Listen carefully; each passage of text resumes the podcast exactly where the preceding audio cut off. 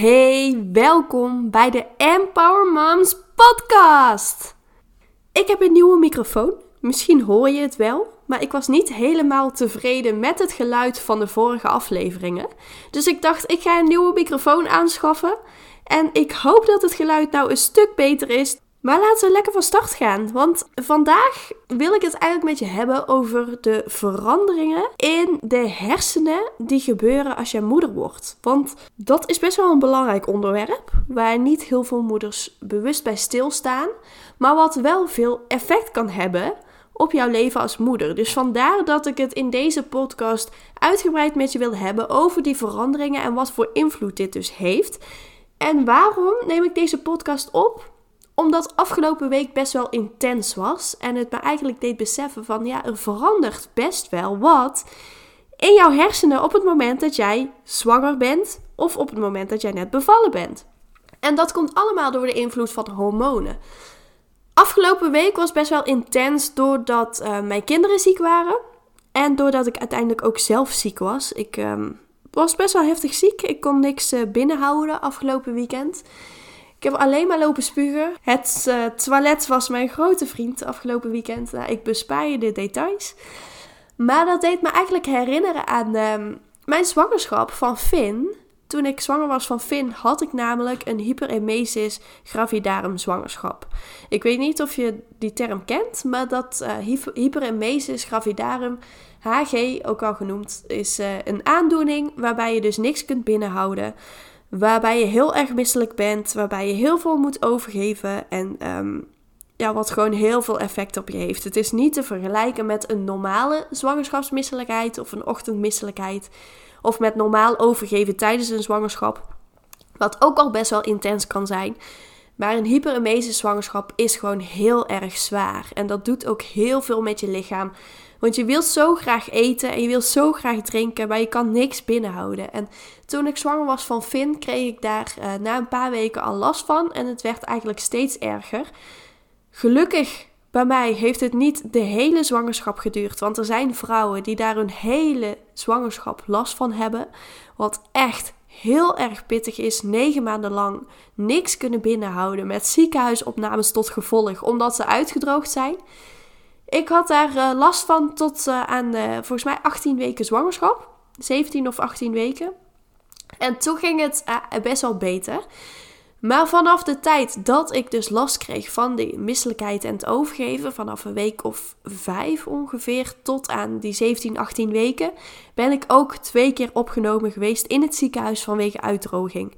Mijn lichaam kon het gewoon niet meer aan. Ik kon niks binnenhouden. Ik voelde me zo belabberd.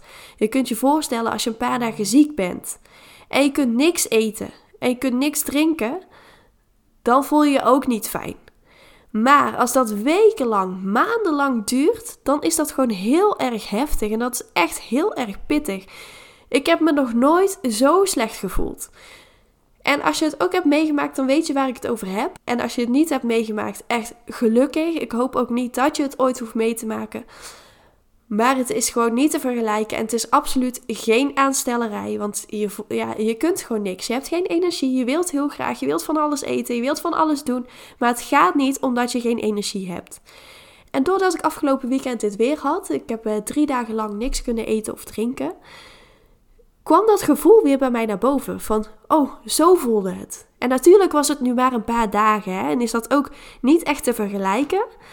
Maar de slapte, het machteloze gevoel van niks binnen kunnen houden, terwijl je wel gewoon honger hebt, dat is gewoon heel vervelend. En ik dacht, ik ga daar even een podcast over opnemen en vooral wat het doet met jou in je hersenen. Want bij mij is het ook al een tijdje geleden dat ik zwanger was, want Finn is ondertussen 20 maanden. Dus het is ook alweer twee jaar geleden dat ik dit heb ervaren. En eigenlijk vergeet je heel snel hoe jij je hebt gevoeld. En misschien herken je dat wel als je het hebt meegemaakt of je bent al bevallen bijvoorbeeld, dat je niet zo goed meer weet hoe die pijn voelt. Die pijn vergeet je na een tijdje. En dat is juist alleen maar goed, hè? Want heel vaak hebben vrouwen tijdens uh, een bevalling zeggen ze van, oh, dit nooit meer en ik wil nooit meer bevallen en wat een ellende, wat een intense pijn. Nou, je herkent het misschien wel, misschien heb jij ook wel zoiets geroepen. Maar na een tijdje vergeet je dit. En dan hoor je vaak heel veel vrouwen zeggen van ja, ik zou het zo weer overnieuw doen. Juist doordat ze niet meer in die pijn zitten en doordat je die pijn eigenlijk ook niet meer zo heel erg goed kunt terughalen. En juist op het moment dat je dan weer een volgende bevalling meemaakt, dus op het moment dat jij weer opnieuw gaat bevallen, dan denk je weer: oh ja, zo voelt het. Zo voelde deze pijn. Nu weet ik het weer. Waarom wilde ik dit ook alweer? Ik had dat zelf ook hoor. Ik heb ehm, de eerste bevalling had ik ook heel veel weeën gehad. Mijn uh, bevallingen zijn allebei spontaan begonnen.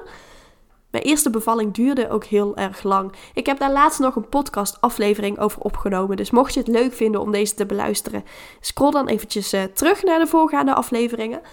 Maar die weeën toen vond ik echt heel erg heftig. En uh, uiteindelijk heb ik ook een ruggenprik genomen omdat ik die pijn niet meer aankon. En later vergeet je die pijn. Hè? Je kunt het eigenlijk niet echt zo goed meer terughalen. Je hebt wel een beetje een idee van, nou oké, ja, zo voelde het ongeveer. Maar echt die pijn, hoe het precies voelde, hoe het precies was, dat vergeet je. Tijdens de tweede bevalling, dus toen ik aan het bevallen was voor Finn, toen dacht ik van, oh ja, zo voelde het weer ja, zo begon het. En ik weet hoe het uiteindelijk kan worden. Dus ik weet ook waar het naartoe gaat. En ik wist toen ook dat ik dus een keizersnede zou krijgen. Dus ik dacht van, nou ja, op tijd naar het ziekenhuis voordat ik het niet meer aan kan. Dus zo speelde ik er eigenlijk ook al een beetje op in. Maar dit gebeurt er dus in je hersenen. Je hersenen vergeten de pijn. En dat is juist alleen maar goed omdat er anders heel weinig vrouwen zouden zijn die nog een keer zouden bevallen van hun tweede kind of derde kind of vierde kind. Dan zou iedereen het bijvoorbeeld bij één kind houden, omdat ze die pijn gewoon niet meer aan willen of aan kunnen. En zo is het eigenlijk op meerdere gebieden. Want als je kijkt naar hersenscans, er is ook onderzoek gedaan naar uh, wat voor effect een zwangerschap en bevalling op je brein hebben tijdens de zwangerschap en na je zwangerschap. En daarin zien onderzoekers ook echt wel verschil. En vooral in de eerste twee jaar na de geboorte van je kind zie je nog steeds veranderingen. Twee jaar na de geboorte van je kind. Dat is toch best wel bizar. Dat echt al die tijd nog steeds je hersenen anders zijn dan voordat jij dus zwanger werd. Ik vind dat best wel bizar, weet je wel. Maar dit is niet per definitie heel slecht. Hè? We denken vaak, oh je hersenen veranderen, dat is iets heel slechts. Maar eigenlijk is dit juist in jouw belang. Want wat verandert er precies? Nou, op het moment dat jij um, zwanger bent en tegen het einde aanloopt bijvoorbeeld, ga je wat meer dingen vergeten. Misschien herken je het wel, hè? Die zwangerschapsdementie wordt ook wel genoemd. Dat je gewoon minder makkelijk dingen kunt onthouden. Dat je een kamer inloopt en even niet meer weet wat je moet pakken, bijvoorbeeld. Of dat je even niet meer weet waar je mee bezig bent. En je merkt ook vaak dat vrouwen tegen het einde van hun zwangerschap meer in zichzelf gekeerd zijn. Dat ze minder naar buiten willen gaan, dat ze minder willen afspreken met anderen, dat ze um, meer in hun kokonnetje willen kruipen eigenlijk, hè, om zich voor te bereiden op de bevalling. Dus dat ze meer naar binnen toekeren. Dit is ook echt een verandering in je hersenen en dit alles wordt gedaan door middel van hormonen. Dus echt die veranderingen ontstaan door al die hormoonveranderingen tijdens je zwangerschap en tijdens je bevalling en de tijd daarna. Wat er ook verandert is dat jij meer empathie krijgt. Dus je reageert beter op anderen. Je reageert beter op de behoeften van anderen. En dit hebben we juist nodig op het moment dat wij een baby krijgen. Want een baby is gewoon heel erg hulpeloos. Hè? Een baby wordt geboren, um, kan eigenlijk alleen maar ademen, eten, drinken, slapen, uh, poepen en plassen. That's it. Weet je, een baby kan gewoon nog niet zoveel. Dat is eigenlijk maar goed ook, hè? want als een baby juist heel veel zou kunnen, dan zou de hersencapaciteit van de baby ook veel groter zijn. Dus dan zou die ook een veel groter hoofd hebben, wat dus nooit zou gaan passen in het geboortekanaal. Dus vandaar is dit ook eigenlijk um, zo biologisch bepaald dat een baby gewoon heel erg hulpeloos wordt geboren, omdat anders die hersenen het, of het hoofd veel te groot worden om geboren te worden. Dus hè, dat ontstaat vanzelf wel. Maar een baby kan daardoor niks zelf en die leunt op jou. Daardoor is het belangrijk om te kijken naar hè, van hoe kan ik inspelen op de behoeften van mijn baby? Wat heeft mijn baby nodig? En om je kind dus echt goed te leren kennen. En daar zorgen die hormoonveranderingen dus ook voor. Het zorgt er dus ook voor dat, die, dat er ruimte ontstaat in je hersenen om hier um, alerter op te zijn. Dus je wordt alerter voor geluiden bijvoorbeeld als je slaapt. Misschien weet je het nog, maar als je slaapt bijvoorbeeld dat je sneller wakker wordt omdat je je baby bijvoorbeeld uh, hoort huilen of omdat hij allerlei geluidjes maakt en je daar dus op inspeelt. Maar dat komt dus door de verandering in jouw hersenen.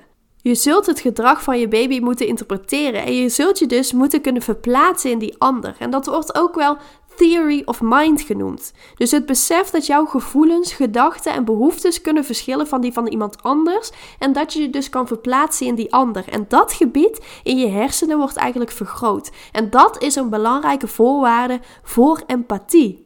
Dus echt die verbindingen in je brein die te maken hebben met je, de moeder-kindrelatie, die worden eigenlijk verbeterd. En dat is wel een heel mooi iets. Dus dat gebeurt gewoon automatisch. Daar sta je ook niet bij stil. Maar dat helpt jou wel om een goede band met jouw kind op te bouwen. En daarnaast is er ook een afname van grijze stof, dus je vergeet ook sneller bepaalde dingen. Bijvoorbeeld de pijn van de bevalling of de, de pijn van uh, de dingen die jij hebt meegemaakt tijdens je zwangerschap.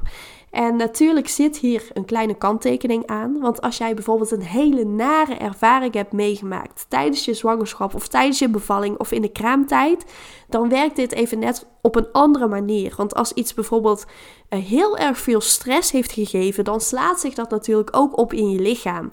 En daardoor kan jouw lichaam dus steeds het gevoel hebben alsof die in de overleefstand staat. Dus alsof die nog steeds in die stresssituatie zit. Dus dat betekent Ehm, dat je lichaam ook geen rust heeft en het daardoor geen tijd heeft om te verwerken. Dus hou hier vooral ook rekening mee. Als jij iets heftigs hebt meegemaakt, dan werken deze processen net iets anders. En zul jij merken dat bijvoorbeeld die moeder-kindrelatie ook wat lastiger is om voor elkaar te krijgen. Omdat jij dus niet die rust hebt om in te spelen op de behoeften van jouw kind. Je, vindt, je je hebt die ruimte daarvoor niet in je hersenen, omdat jouw hersenen nog steeds denken dat jij in die nare situatie zit. Dus vandaar dat het zo belangrijk is om als jij iets naars hebt meegemaakt, om dit inderdaad goed te kunnen verwerken. En dit zorgt ervoor dat jij je fijner voelt, dat jij niet meer in die overleefstand blijft staan en dat je dus ook een betere relatie met je kind kunt krijgen, omdat jij meer um, in kunt spelen op de behoeftes van jouw kind. En zelf dus ook meer die rust ervaart. En het wil niet zeggen dat je meteen last kunt krijgen van een nare ervaring. Het kan ook zijn dat je hier bijvoorbeeld na weken of na maanden last van krijgt. Maar mocht jij dit dus ervaren, mocht jij het gevoel hebben van, nou, ik heb het gevoel alsof ik heel erg in de stressstand sta, alsof ik constant alert moet zijn, of dat ik mezelf niet kan ontspannen, zorg er dan voor dat jij hulp zoekt hierbij, zodat je dit kunt verwerken, want dat is wel heel erg belangrijk. Maar waarom verandert dit dus allemaal zo in je hersenen? Eigenlijk is dat om jouw kind dus te beschermen tegen de gevaren van de buitenwereld. En om dus te achterhalen van wat jouw baby nodig heeft. Het is alleen maar goed dat dit gebeurt. En het is goed dat wij hier niet altijd bewust bij stilstaan. Maar ik uh, dacht, ik ga hier toch een podcast over opnemen, omdat ik het best wel een belangrijk onderwerp vind. En omdat als jij dus iets heftigs hebt meegemaakt, of in ieder geval iets naars hebt meegemaakt, dat het dus belangrijk is om hier niet mee te blijven rondlopen, omdat dit inderdaad een effect kan hebben op de band die jij hebt met je kind. Dus vandaar dat ik dit uh, wil meegeven aan jou. Mocht je behoefte hebben om hier met iemand over te praten, of uh, mocht jij hulp willen bij het verwerken van een nare ervaring, zodat jij meer rust kunt ervaren, of zodat jij uh, de band met je kind kunt versterken, je kunt me altijd een mailtje sturen info at empowermoms.nl. Dan kijk ik gewoon met je mee. Ik wil je heel erg bedanken voor het luisteren. Ik hoop dat deze podcast je wat inzichten heeft gegeven over hoe het moederbrein precies werkt en wat voor invloed dit dus heeft op, uh, op je functioneren. En dan zie ik je graag bij de volgende podcast. Tot de volgende keer.